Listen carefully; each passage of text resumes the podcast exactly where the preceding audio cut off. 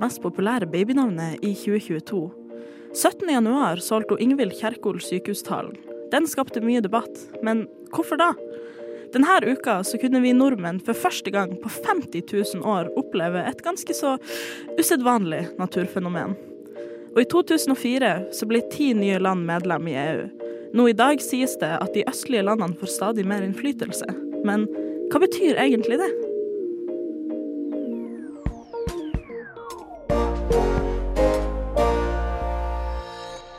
God morgen, alle sammen, og velkommen til en ny fredag her på Opplysningen 99,3.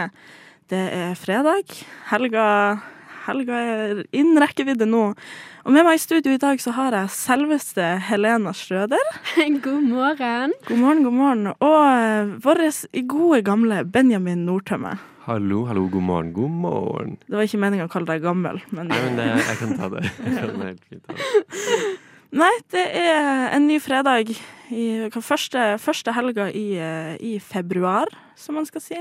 Hvordan føler vi oss? Hvordan føler vi oss i Akkurat nå så føler jeg meg egentlig ganske, ganske greit. Ja. Jeg, jeg, er veldig positiv, jeg er ganske happy, og jeg er klar for en ny, ny måned.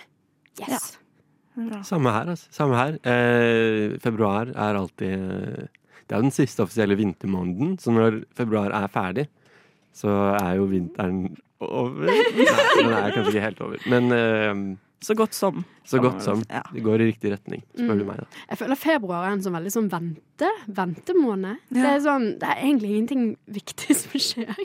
Og så jeg venter alle på at våren skal komme, da. Så jeg kjenner i dag, så var jeg veldig sånn åh, OK, nå ja, Kanskje jeg skal kle meg litt mindre, kanskje det begynner å bli vår. Og det var så sinnssykt kaldt. Ja, men jeg tror det, det har, kan jo være noe med at vi kommer liksom fra desember, som er jul, januar, når man er på en måte i gang enten med studiestart eller oppstart på jobb eller vanlig skole igjen. Sant?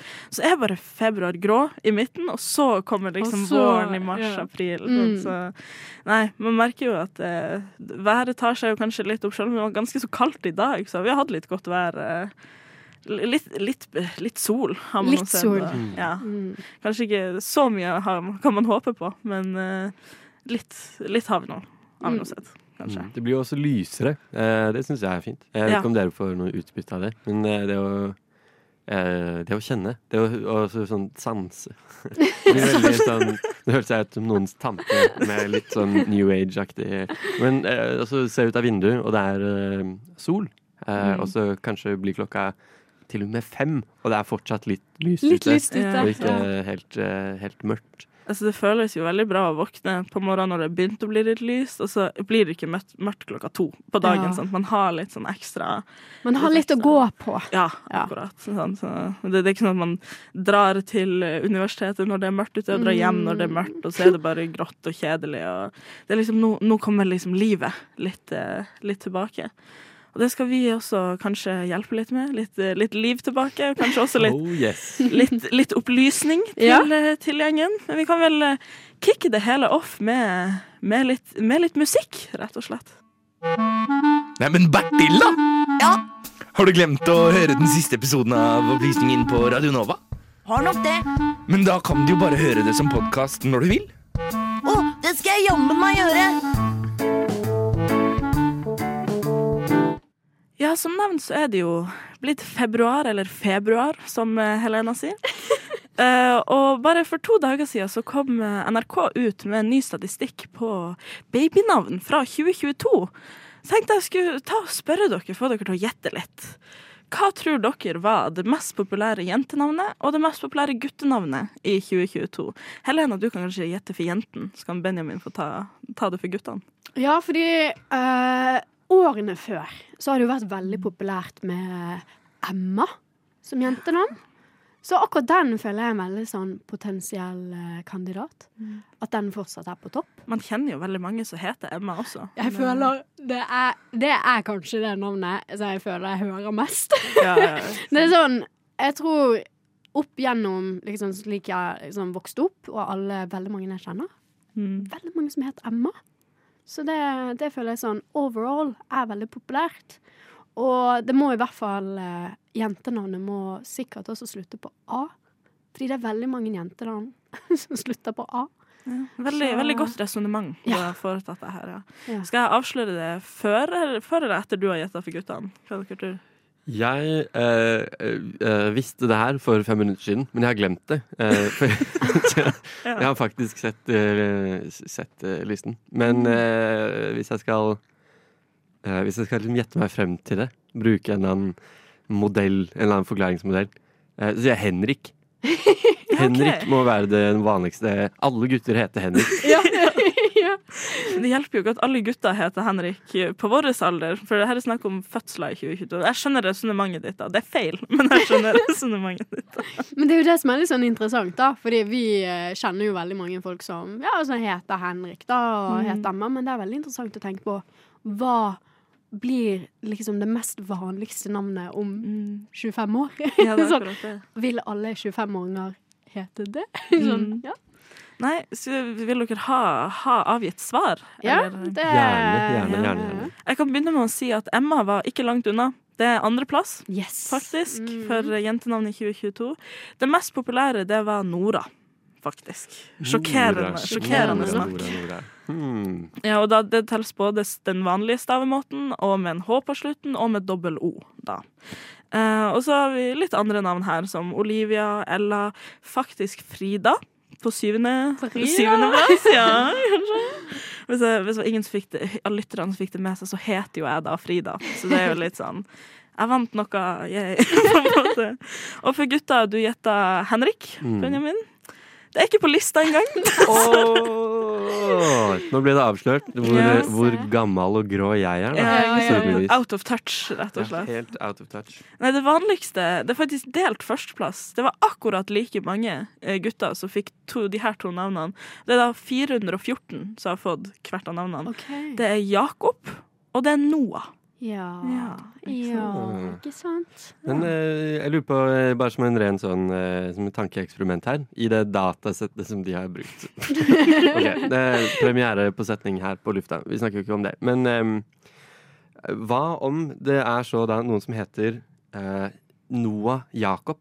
Eller Jakob Noah? Oi. Hvordan teller det? Er det en, da har du én fot i begge navnene, da, kanskje? Jeg tror nok det telles med fornavnet. Altså, det må, det må jeg nok eh, Ja. Med mindre det er sånn sammenslått navn, liksom. Sånn. Det er jo- spesielt. Ja. Jakob Noah uvanlig, uten mellomrom. Ja, Jakob Noah. Kom hit, jeg skal vise deg noe. Eh, Ja, ja.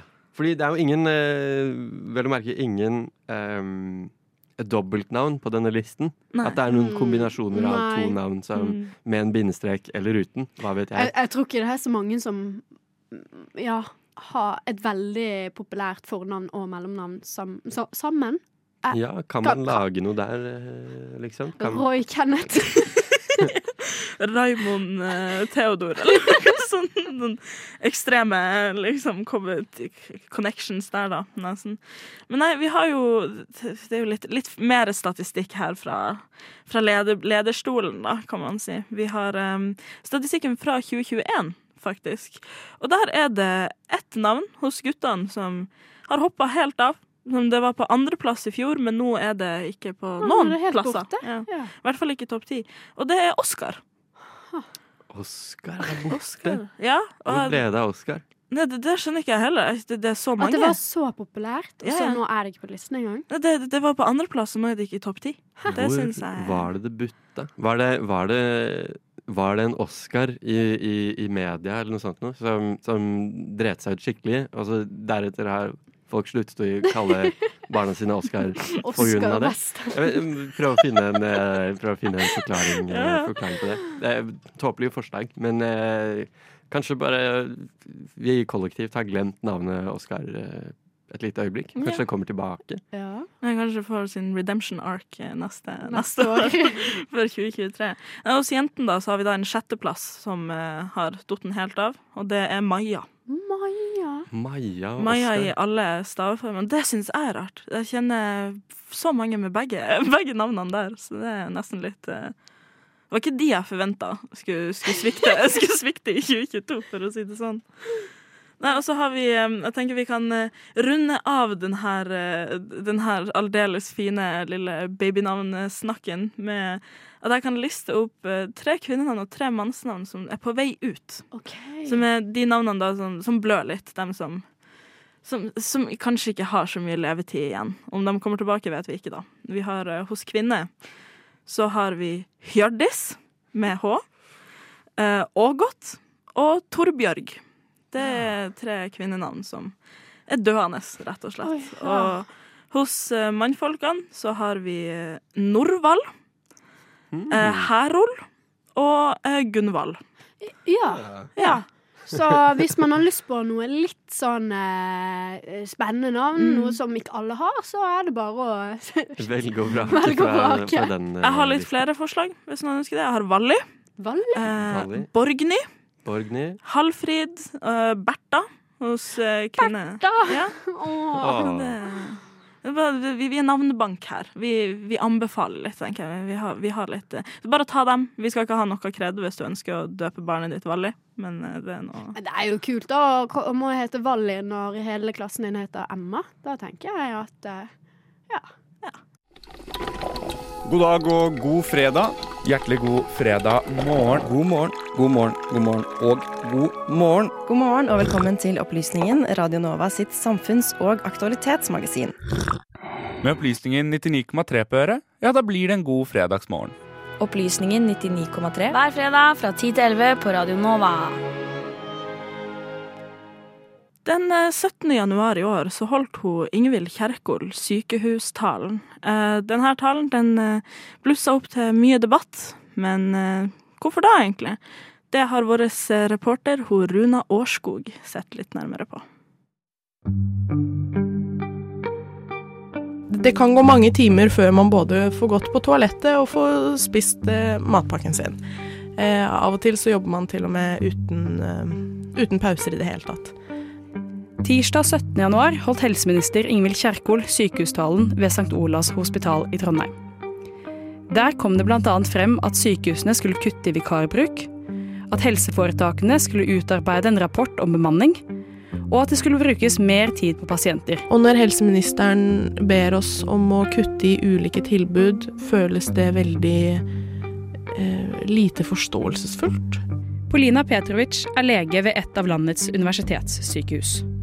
Og sammen med mange andre sykehusansatte opprørte talen til helseminister Ingvild Kjerkol henne. Det som provoserte mest, var at vi har en helseminister som ikke ser at eh, hvis hun tar ut et kort av eh, korthuset, så kommer huset til å rase ned.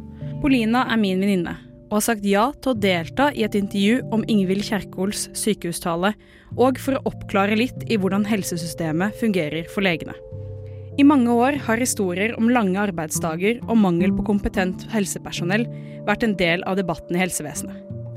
Historier om sykepleiere som har lange vakter og går uten pauser, har nærmest blitt en vanlig problematikk som vi overser i dag. Og en vanlig arbeidsdag for legene er heller ikke noe unntak. Jeg jobber hovedsakelig i um, akuttmottaket, men også noe på sengepost. Og på et akuttmottak på et universitetssykehus så er det naturlig nok eh, mange pasienter innom eh, hver dag.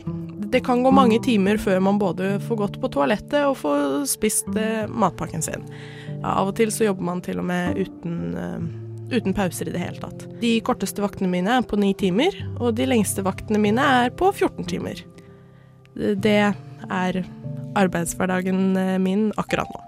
Presset stiger, og per dags dato er jobber i helsevesenet et av de yrkene med høyest sykefravær. Og istedenfor å øke bemanningen og senke antall timer, tyr helsevesenet til vikarbruk. Den store flaskehalsen nå er eh, LIS1-stillingene, også kjent som turnstjeneste. Det er eh, et utdanningsløp som alle leger må ha for å kunne videreutdanne seg som en spesialist. Og akkurat nå så er det rundt i underkant av 50% som får eh, LIS1-stilling med en gang. Og resten er da jobber i vikariater, som f.eks. vikariater på sengeposter eller i akuttmottak. Hadde vi da kunnet fått de- de 50% som ikke jobber i LIS1-stillinger over i LIS1-stillinger, så kunne vi også utdannet flere leger, eh, hatt flere inn i et spesialistløp, og vi kunne sluppet å bruke så mange vikarer. Det er kanskje ikke rart at sykehustalen til Kjerkol derfor har provosert. For å kunne minke vikarbruken er sykehusene avhengig av mer penger og flere stillinger. Men det sier Kjerkol ingenting om. Derimot skal det skje en rekke kutt fremover. Ullevål sykehus skal kutte med hele 440 årsverk, og sykehusene blir bedt av Kjerkol om å prioritere behandlingene fremover og se hvor de har muligheten til å kutte. Når helseministeren ber oss om å kutte i ulike tilbud, føles det veldig eh, lite forståelsesfullt, egentlig. Hun ber oss bl.a. om å kutte i eh, vikarbruk. Eh, og dette er jo vikarer som da dekker opp, som jeg allerede har nevnt, som dekker opp for mye av det spesialister ikke strekker til med. Dette er vikarer som er ferdig utdannede, som venter på å få en lysenplass. Hvis hun virkelig mener at vi skal kutte ned i vikarer, så må vi også sette inn flere lisenstillinger. Det må være kompensasjonen for kutt i vikarbruk. Selv om det meste av denne kritikken har vært rettet mot Kjerkol og hennes tale, er ikke dette noe nytt fenomen. Regjeringer fra begge sider av politikken har opp igjennom tidene bedrevet store kutt i årsverk og pasienttilbud. F.eks. skal Ullevål snart legges ned, til fordel for det nye sykehuset på Aker. Der skal det være færre sengeplasser og kortere oppholdstider for pasientene. Dette er ikke bare en kritikk av sykehusuttalen, men at vi har et institusjonelt problem hva gjelder helsevesenet. Det må bevilges nok penger til helse og omsorg, og som Polina sa, er ett forslag å skape flere utdanningsstillinger. Og til slutt kan vi stille oss spørsmålet om vi virkelig kan kalle oss et velferdssamfunn dersom vi ikke tar vare på våre svakeste gjennom gode helsetilbud. Ingvild Kjerkol har vært kontaktet flere ganger angående denne saken, men har ikke ønsket å kommentere.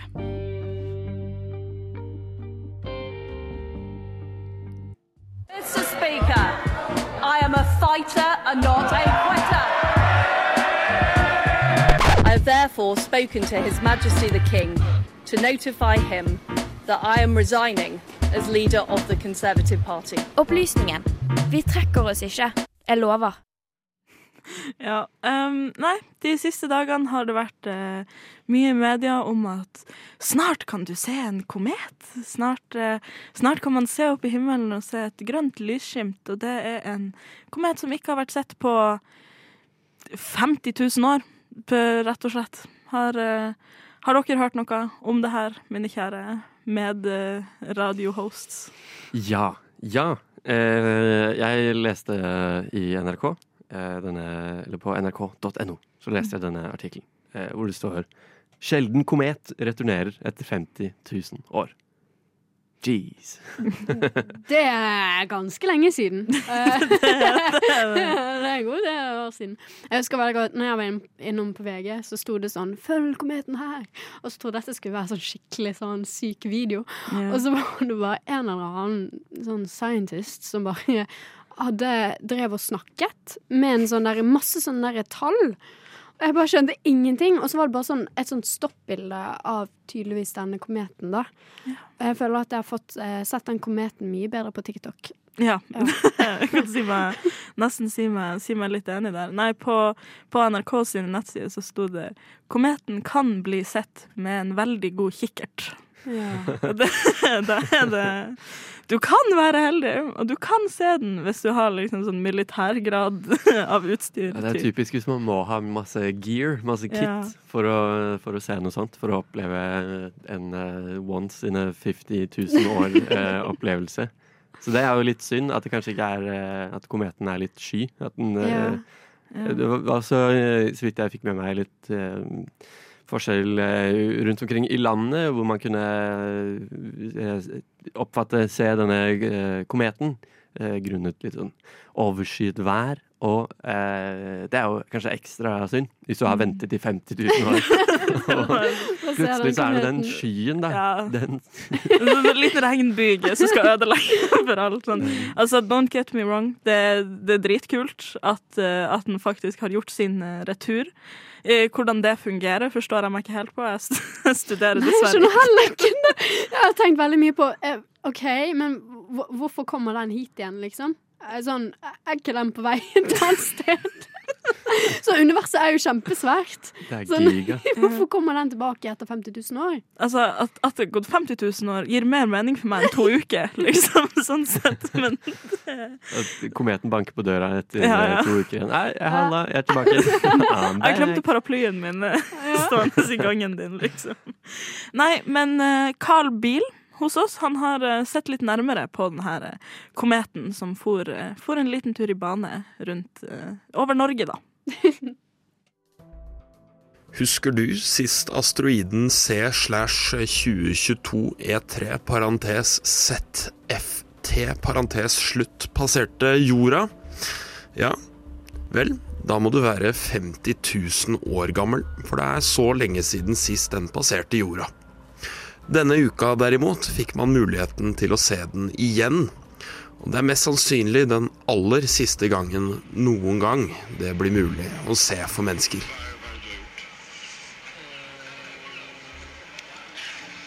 Dette er fra da jeg og en annen som var ute for å se etter kometen denne uka.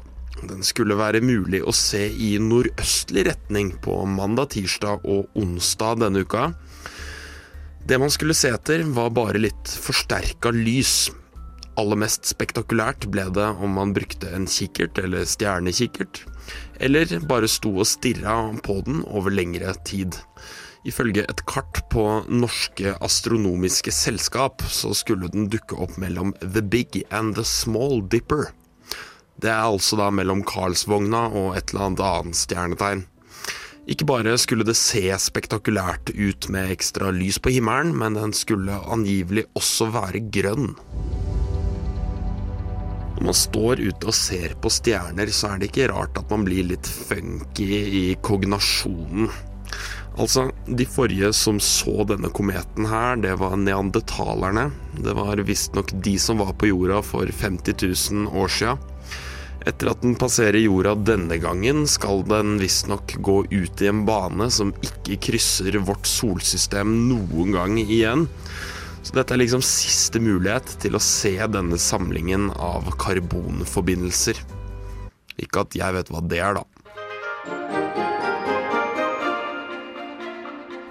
Ja, for du har vel kanskje glemt hva som er en komet, asteroide og meteor.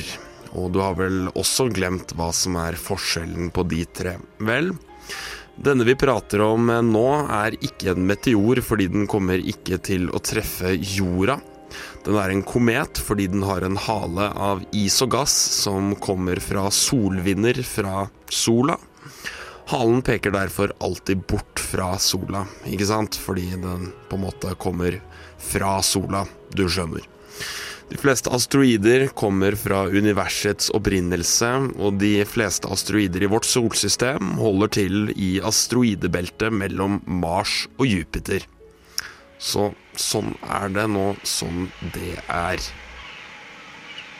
Men tilbake til jorda, Frognerparken for å være litt mer spesifikk. Det er kaldt, og det er to karer som står og gløtter opp mot himmelen i håp om å oppdage noe grønt. Etter hvert så bestemmer vi oss for å gå hjem. Vi så ingenting, og det er kanskje fordi det var overskya. Men eh, jeg tør nesten ikke tenke på hvilket inferno man ble vitne til på den andre siden av skydekket. Reporter i denne saken, det var Carl Biel.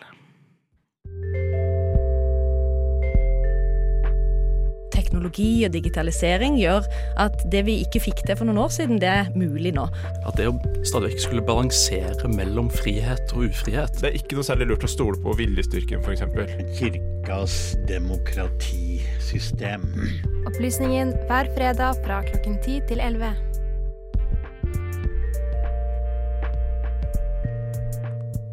Ja, Benjamin. Det Ja. har eh, vært litt eh, dramatikk nå på, eller i Øst-Europa. Eller når har det ikke det, er vel egentlig, er vel egentlig spørsmålet. Du, eh, du har denne uka laga sak, og du skal Yes. om, om litt, litt av det Kan man si Det som skjer, hendelsesforløpet, spenninga som er, foregår der nede. Yes. Um, hovedpoenget i denne saken, som dere får høre snart på lufta, kjære lyttere, det er egentlig det er en slags invitasjon kanskje til å tenke litt på hvordan Europa er satt sammen av eh, masse ulike land med ofte litt forskjellig utgangspunkt og litt forskjellig syns, eh, synspunkt på eh, særlig da krigen i Ukraina, så klart. Um, og hvilke, hvilke mønstre, hvilke på en måte, hvilke, hvilke maktbalanser som finnes. Mm. For tradisjonelt, når vi tenker på eh, Europa, så tenker vi på EU, Den europeiske union. Og hvem er det som tradisjonelt sett har vært liksom, de store mm, powerhousene, altså virkelig eh, hatt mye å si? Det har vært eh, særlig da de vesteuropeiske medlemmene i Yes. unionen. Så typisk snakker man da gjerne om en fransk-tysk akse. At Mm. hvis du har Frankrike og Tyskland eh, enige om noe, så blir det gjerne gjort. Eh, det som da er litt nytt eh, Det som er nyere i den siste tiden, spesielt da siden februar i fjor, er at det synes at maktbalansen er litt i endring. At det er land i det vi kaller Øst-Europa, som egentlig er litt sånn diffust begrep, for det er ingen som egentlig kan fortelle helt klart hvor Øst-Europa eh, slutter og eh, start, altså begynner og slutter. Mm. Det er ofte kontroversielt. Eh, altså Måten vi snakker om Øst-Europa, er litt sånn fordi vi kan eh, Fordi vi er utenfor. Fordi vi ikke ja. tilhører Vi ikke får merkelappen Øst-Europa, men det henger mye henger mye hva skal vi si, forutinntatte eh, fordommer og ting fra, fra liksom den kalde krigen. Eh, Mm. kanskje typisk vår foreldregenerasjon har eh, fortsatt et, et, en slags mental barriere, eller et, et bilde av Europa som veldig delt i to. At denne, eh, denne ekte, denne helt ekte muren, jernteppet osv., at det er et slags sånn mer metaforisk og eh, hva skal vi si, eh, like fullt ekte mm, konsept, begrep, eh, tema, som, eh, som, som går igjen. At vi, ja, at vi eh, har hatt litt vanskelig med å få, forstå hverandre i Europa, Ja. rett og slett. Det, det her høres jo kjempeinteressant ut. Er du enig, Helena? Jeg er veldig enig. Ja. Vi sitter her begge to og bare smiler og nikker og hører på, hører på Benjamin eh, spy ut kunnskapen han sitter innabords med, kan man si. Men nei, eh, vi, vi skal få høre litt, litt mer om det her. Sånn, selveste Benjamin Nordtømme har jo, har sett litt nærmere på det. Vårt kontinent Europa er i konstant endring. I kalendermåneden februar 2023 står vi med krigen i Ukraina, en storeuropeisk innsats for energi, og ikke minst et viktig og rykende ferskt valgresultat i Tsjekkia. For i et brakvalg forrige uke kunne den liberale Nato-generalen Peter Pavel Petr Pavel. Peter Pavel. danke ut populisten og euroskeptikeren Andrej Babiš. Seieren den kom med 15% margin. Tsjekkias nye president mottas med entusiasme og forhåpninger i kontinental presse. Vel å merke særlig i Kyiv. I et fugleperspektiv henger dette trolig sammen med et lite mantra mange har på leppene nå om dagen. Den europeiske maktbalansen gjør en østlig dreining. Blir Øst-Europa mektigere? Og i så fall, hva betyr det? Når vi snakker om makt, eller maktbalanse mellom land, da er vi inne på noe som er litt vanskelig å måle helt konkret. I tillegg er jo EU helt intensjonelt designet for å gi nettopp alle landene i unionen direkte innflytelse. Men ser vi for oss et metaforisk tyngdepunkt i Europa, hvilke syn som dominerer og vinner gjennom politisk, har vi ofte tenkt det helt naturlig å slenge dartpilen langt vest på europakartet. Skulle vi like gjerne ha hørt med Warszawa, Praha eller til og med Kyiv? Akkurat nå, mens du hører denne saken, så møtes diplomater fra Kommisjonen, de diverse EU-landene og Ukraina sammen for å diskutere en plan. Og hvilken plan, spør du? Warmly congratulate President Zelensky. We have decided to grant candidate status to Ukraine and Moldova. Ukrainas regjering har en plan om medlemskap i Den europeiske union. Det skorter ikke på verken lyst eller streben, for dette skal oppnås innen 2025. Det er statsminister Dennis Schmihal som står bak det ambisiøse målet, og i Ukraina har EU-medlemskap en mildt sagt fenomenal støtte i befolkningen. I et intervju med svenske SVT har parlamentarikeren Ivana Klimpush-Tsinzadze beskrevet nettopp EU-medlemskap som lyset i enden av tunnelen. Hele 74% ønsker seg inn i det europeiske fellesskapet. For en del folk og politikere i Vest-Europa derimot, former det seg en skeptisk tankerekke som kanskje høres litt eh, slik ut. Oi, oi, oi. På med bremsene! Er dette så lurt? Ukraina er jo et klassisk østeuropeisk land med dype korrupsjonsproblemer. De trenger lang tid for å omstille seg. På den skeptiske siden finner vi bl.a. Emmanuel Macron, Frankrikes president. Han mener det kanskje kan ta tiår før Ukraina er et fullverdig medlem i unionen. For Europa har dette blitt et skikkelig flokete problem. Men disse flokene her, de representerer ganske godt forskjellene på perspektivene i øst og vest i Europa. I Polen, Tsjekkia og Baltikum er innstillingen tvert om svært positiv til Ukrainas medlemskap. Alle disse landene har relativt nylig vært gjennom opptaksprosessen til E EU. Onwards, EU will over 100 million new citizens. Og de har dermed muligens også et fortrinn å bidra med, nemlig rådgivning. Det er ikke det mest sexy ordet i det norske språk, men rådgivning blir helt sentralt i arbeidet med å etterkomme kommisjonens krav, bl.a. om institusjonelle endringer i Ukrainas rettssystem. Den hjelpen, den må komme fra alle himmelretninger. Men for Ukraina er det helt klart en fordel å kunne låne ekspertise fra Estland, Tsjekkia og andre tette allierte. Vi står i februar 2023. Det er et år siden Russlands fullskala invasjon i Ukraina begynte. Siden den gang er det gjort mange refleksjoner om Europas initielle håndtering. Og kanskje aller mest er det diplomatitroen blant vesteuropeiske politikere som har fått gjennomgå. Macron, Scholz og vår egen Jonas Gahr Støre ringte i tur og orden til Vladimir Putin og ba ham om å stanse krigen. Det var følgelig til liten nytte.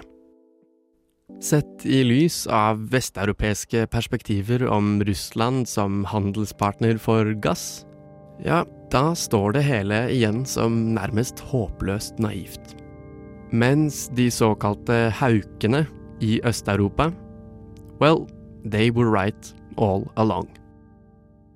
Justert for BNP, både når det gjelder våpenstøtte og finansiell bistand til Ukraina, så troner EUs østlige medlemmer rangeringen. Mønsteret det siste året er tydelig. Øst er først, og vest kommer dernest. Rundt om i Europa har vi mentale barrierer og fordommer som informerer våre ulike syn. Og kanskje har det en kostnad i form av misforståelser og tapte muligheter for samarbeid. Om tyngdekraften trekker mot mer sentrale trakter, kanskje vi er noen steg nærmere å snakke om verken øst eller vest, men kanskje bare Europa.